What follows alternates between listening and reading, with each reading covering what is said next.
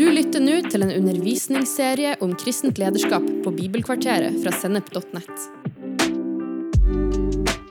I denne serien på fem episoder vil du høre om hva slags lederskap Jesus og apostlene sto for, i lys av hvem Gud er og hvordan han framstår i Bibelen.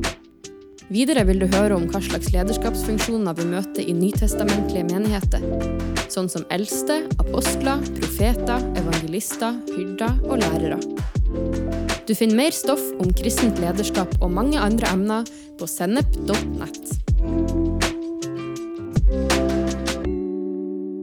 Alle vi som eh, lever, har erfart lederskap. Vi blir født av en mamma som eh, oftest, sammen med pappa, viser lederskap i livet vårt. Og gjennom livet møter vi ulike ledere, som eh, gjennom barnehage, gjennom skole, gjennom menighet, lag og foreninger, som har hatt ansvar og leda oss. Og i møte med alle de her ulike lederne i livet vårt har vi erfart mye bra, og noe som ikke er så bra. Og Bibelen viser oss at alt lederskap starter hos Gud. Han er opphavet og skaperen av alle ting. Så skal han forstå sunt og godt lederskap, trenger vi å kjenne Gud. Derfor starter vi det her bibelkvarteret med å se på første Mosebok kapittel 1. Der sier Gud ifra vers 26, La oss skape mennesker i vårt bilde, så de ligner på oss. De skal råde over fiskene i havet og fuglene under himmelen, over feet og alle dyr og alt krypet som det kryr av på jorden. Og Gud skapte mennesket sitt bilde, i Guds bilde skapte han det, som mann og kvinne skapte han dem. Gud velsignet dem og sa til dem, Vær fruktbare, bli mange, Fyll jorda og legg den under dere. Dere skal råde over fiskene i havet og fuglene under himmelen, over alle dyr som det kryr av på jorda. Så det første som står her, er la oss. Så her dukker treenigheten opp helt fra starten av i Bibelen. Gud skaper mennesket ut fra et vi.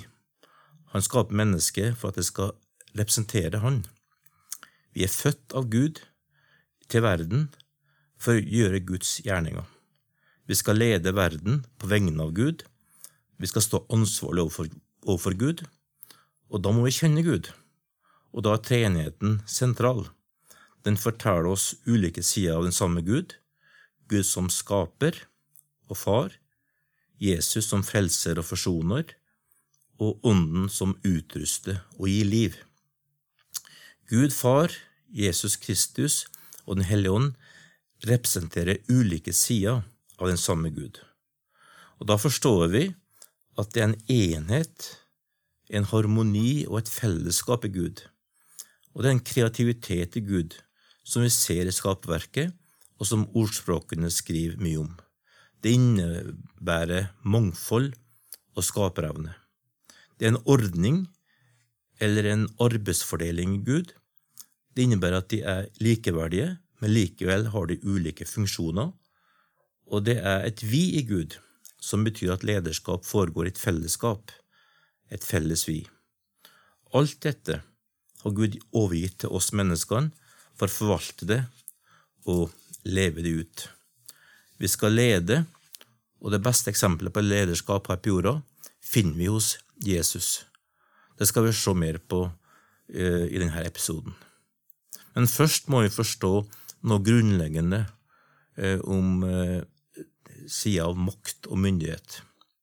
Vi ser ut fra første Mosebok 1 at vi er kalt til å styre og råde på jorda på vegne av Gud. Makt og myndighet går alltid tilbake til Gud. Det er Han som gir den, og Han eh, skal vi svare for. Og alle som har makt og myndighet, representerer Gud til sjuende og sist. All autoritet i familien, i samfunnet og i menigheten kommer fra Gud. Det skal utøves for å fremme livet og beskytte det svake og hindre urett. Og eh, lederskap uttrykkes i familien, i menigheten og i samfunnet. I familien ser vi at vi er kalt til å hedre far og mor, og for de har gitt oss livet, uansett hvordan de oppfører seg. Og eh, det står også i Efeser kapittel 5 fra vers 21 at det er en underordning i ekteskapet, i familien, en underordning under hverandre på grunn av Kristus, og at kvinner skal underordne seg mannen sin i alle ting. I menigheten skal vi se mer om lederskap der senere, i en annen episode av Lederskapspodden her.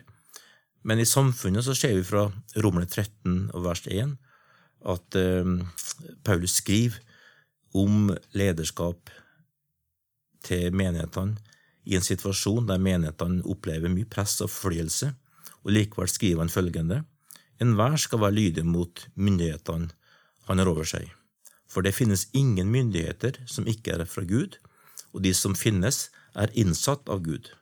Den som setter seg opp mot den, står derfor imot Gud, og de som gjør det, skal få sin dom. For de som styrer, skal ikke skape frykt hos den som gjør det gode, men mot den som gjør det onde. Vil du slippe å frykte myndighetene, så gjør det gode, og du skal få ros. I møte med internasjonale ledere og venner har jeg fått en ny forståelse av dette verset.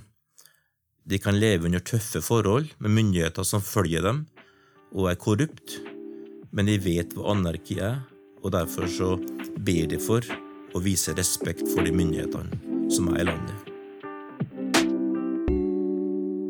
Det gamle testamentets profeter snakker om lederskap og, og eh, ser fram mot en ny tid.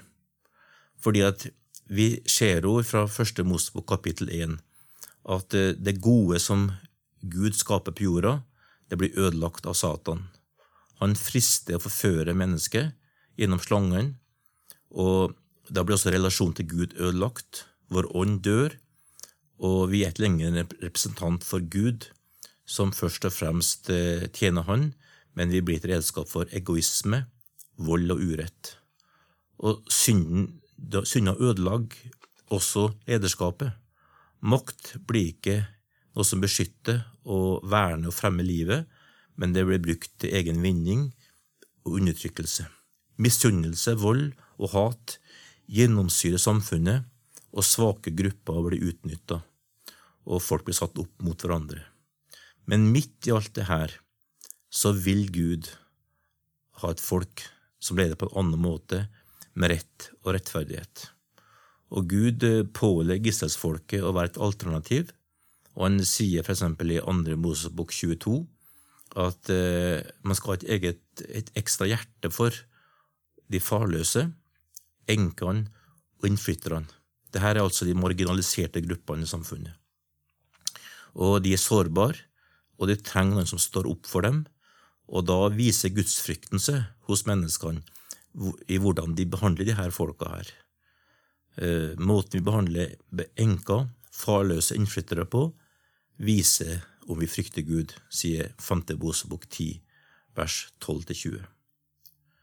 Og gode ledere sto også fram i denne tida, som for eksempel Josef i Egypt, som ble, ble behandla urettferdig og solgt som slave og fikk falske anklager mot seg og var årevis i fengsel. Likevel så hadde han hjertet på rett plass og unngikk og ble et offer for, for det her, som han gikk gjennom. Men når han ble løfta opp og fikk makt og myndighet, brukte han denne makta til å berge liv, sitt eget folk og styre nasjoner uten hevn eller vold. Vi ser det samme hos David. David sparte Saus liv, sjøl om han hadde muligheten til å hevne seg på Saus overgrep. David tok ikke skjea i egen hånd, men han stolte på Gud og hans løfter, og at han til sjuende og sist skulle få sin rett. Så midt i en verden full av vold og urett, som er prega av synd, så taler Gud om en ny tid, og han sender profeter for å gi folk håp. Og Jesaja skriver om Jesus i kapittel 9, det folket som vandrer i mørket, ser et stort lys. Over dem som bor i dødsskyggens dal, stråler lyset fram. Du lot dem juble høyt og gjorde gleden stor. De gledet seg for ditt ansikt som en gleder seg over kornhøsten, som en jubler når krigsbyttet deles. For åket som tynget, stokken som over skuldrene og staven til slavedriveren har du brutt i stykker på Midians dag. Ja, hver støvel som trampet og hver kappe tilsølt med blod skal brennes og bli til føde for ilden. For et barn er oss født, en sønn er oss gitt. Herreveldet er lagt på hans skulder. Han har fått navnet Underfull rådgiver, Veldig Gud, Evig Far, Fredsfyrste. Så skal herreveldet være stort og freden uten ende over Davids trone og hans kongerike. Han skulle gjøre det fast og holde det oppe ved rett og rettferdighet fra nå og for alltid. I Herren, hvor herskarene skal, gjøre dette i sin brennende iver. Og når vi da ser på Jesu komme til jord, så ble han født som en, en vanlig baby av fattige foreldre i en stall. Han måtte rømme med familien sin til Egypt like etter fødselen. Han vokste opp i et vanlig jødisk hjem med en far som var snekker, og som han gikk til lære hos. Og allerede før han starta sin offentlige tjeneste, så ble Jesus anerkjent av Gud. Det leser vi i Markus 1, fra vers 9. Gud viser sin ubetinga kjærlighet da Jesus ble døpt i Jordan. Da var han 30 år gammel, og folk merka at det var noe spesielt med han. Han hadde ikke penger, ingen tittel, ingen hær, ingen ytre ting som eh, sa at her er en med makt og myndighet og som skal gjøre en forandring, men han påkalte folks oppmerksomhet, han sto fram med et budskap fra Gud, et budskap han ba fram med makt og myndighet, som Lukas 4, vers 32 sier og han hadde kraft fra Gud. Så når sjuke ble bedt for, og når folk var plaga av onde ånder, så ble de fri og friske. Jesus viste oss hva sannhet er gjennom det livet han levde. Og Johannes 1, 14 sier at nåden og sannheten kom med Jesus Kristus. Han møtte fattige og rike, barn, kvinner og menn, uten å være partisk. Han elska alle mennesker, og han ga seg sjøl, ja, han ga hele sitt liv for at verden skulle bli frelst. Så I forhold til lederskap så viste han ikke at det er en posisjon som avgjør, eller at en tittel er viktig, men han representerte Gud og har sannhet og viste mennesker hvem Gud er. Det handler om å leve, gi og vise raushet, tjene andre og bygge de andre opp. I møte med fariseerne, som var datidens religiøse ledere, var han radikal og tydelig. I kapittel 23 tar han et oppgjør med lederskap som utnytter folk, misbruker makt og soler seg glansen av sin posisjon. Og i Matteus 20 så svarer han på spørsmål fra mødrene til noen av disiplene, som ber Jesus eh, om å ordne en egen posisjon for eh, sine sønner. Og da svarer Jesus eh, i vers 25 eh, at dere vet ikke at folkenes Dere vet ja, at folkenes fyrster undertrykker dem, og stormennene deres styrer med hard hånd. Men slik skal det ikke være blant dere. Den som vil være stor blant dere, skal være tjeneren deres den som vil være først blant dere, skal være slaven deres. Slik er det heller ikke at menneskesønnen er kommet for å la seg tjene, men for selv å tjene og gi sitt liv som løsepenger for mange. Så Jesus hadde en identitet til Gud, så derfor kunne han vaske disiplene sine føtter og være en tjener som han viser i Johannes 13, uten at det blir rokka ved hans identitet eller synet på seg sjøl. Og Jesus forkynte og demonstrerte Guds rike, et rike rettferdighet, fred og glede. Og i kapittel 5-7 i Matteus så ser vi hvor radikalt dette riket er. Et opp-ned-rike i forhold til verden, fokusert på makt, innflytelse, posisjoner og styre. Og Jesus gjorde det han fikk se far. Han levde ikke på jord som en uavhengig mann som gjorde sitt beste med disiplene på slep. Han var sendt av Gud, gjorde det Gud ville, og det sier han veldig tydelig i Johannes kapittel 5 og vers 19. Sannelig, sannelig, jeg sier dere, Sønnen kan ikke gjøre noe av seg selv, men bare det han ser Far gjøre. Det Far gjør, det gjør også Sønnen. Filippebrevet, kapittel 2, sier at Jesus fikk makt og myndighet ved å tjene og gi sitt liv. Derfor reiste Gud han opp og ga han navnet over alle navn, for at hvert menneske skal bøye seg for Jesus og bekjenne Han som Herre.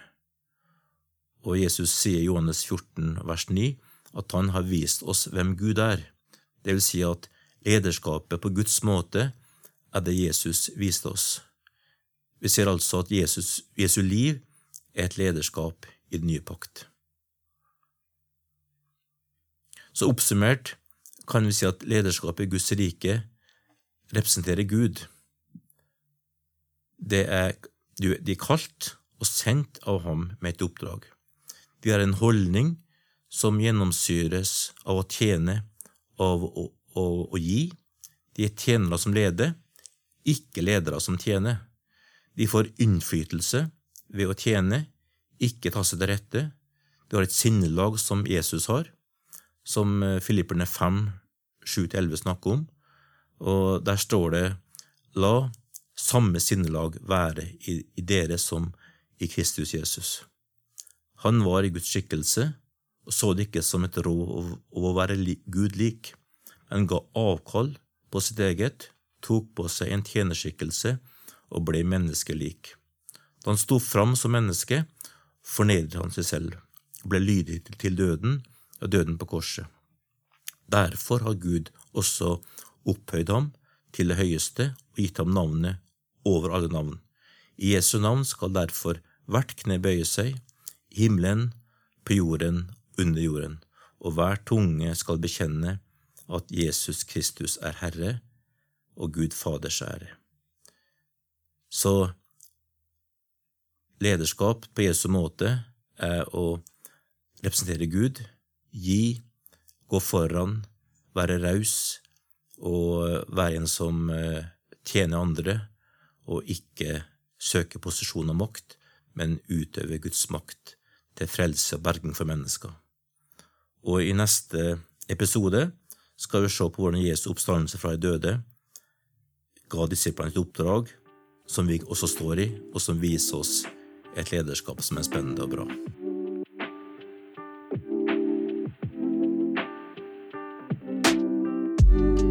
Du har nå hørt en episode fra Bibelkvarteret på sennep.nett. Du vil også finne mer stoff på sennep.nett som gir deg inspirasjon til å følge Jesus i hverdagen. Innholdet på Sennep er gratis og tilgjengelig for alle, takket være økonomisk støtte fra kristent nettverk, menigheter og enkeltpersoner. Du kan også hjelpe oss ved å be for oss, dele innholdet vårt med venner og bekjente, rate podkastene i den podkastappen du bruker, eller ved å gi en gave på VIPS. VIPS nummer 54 66 68. Takk for at du lytta til sennep.nett.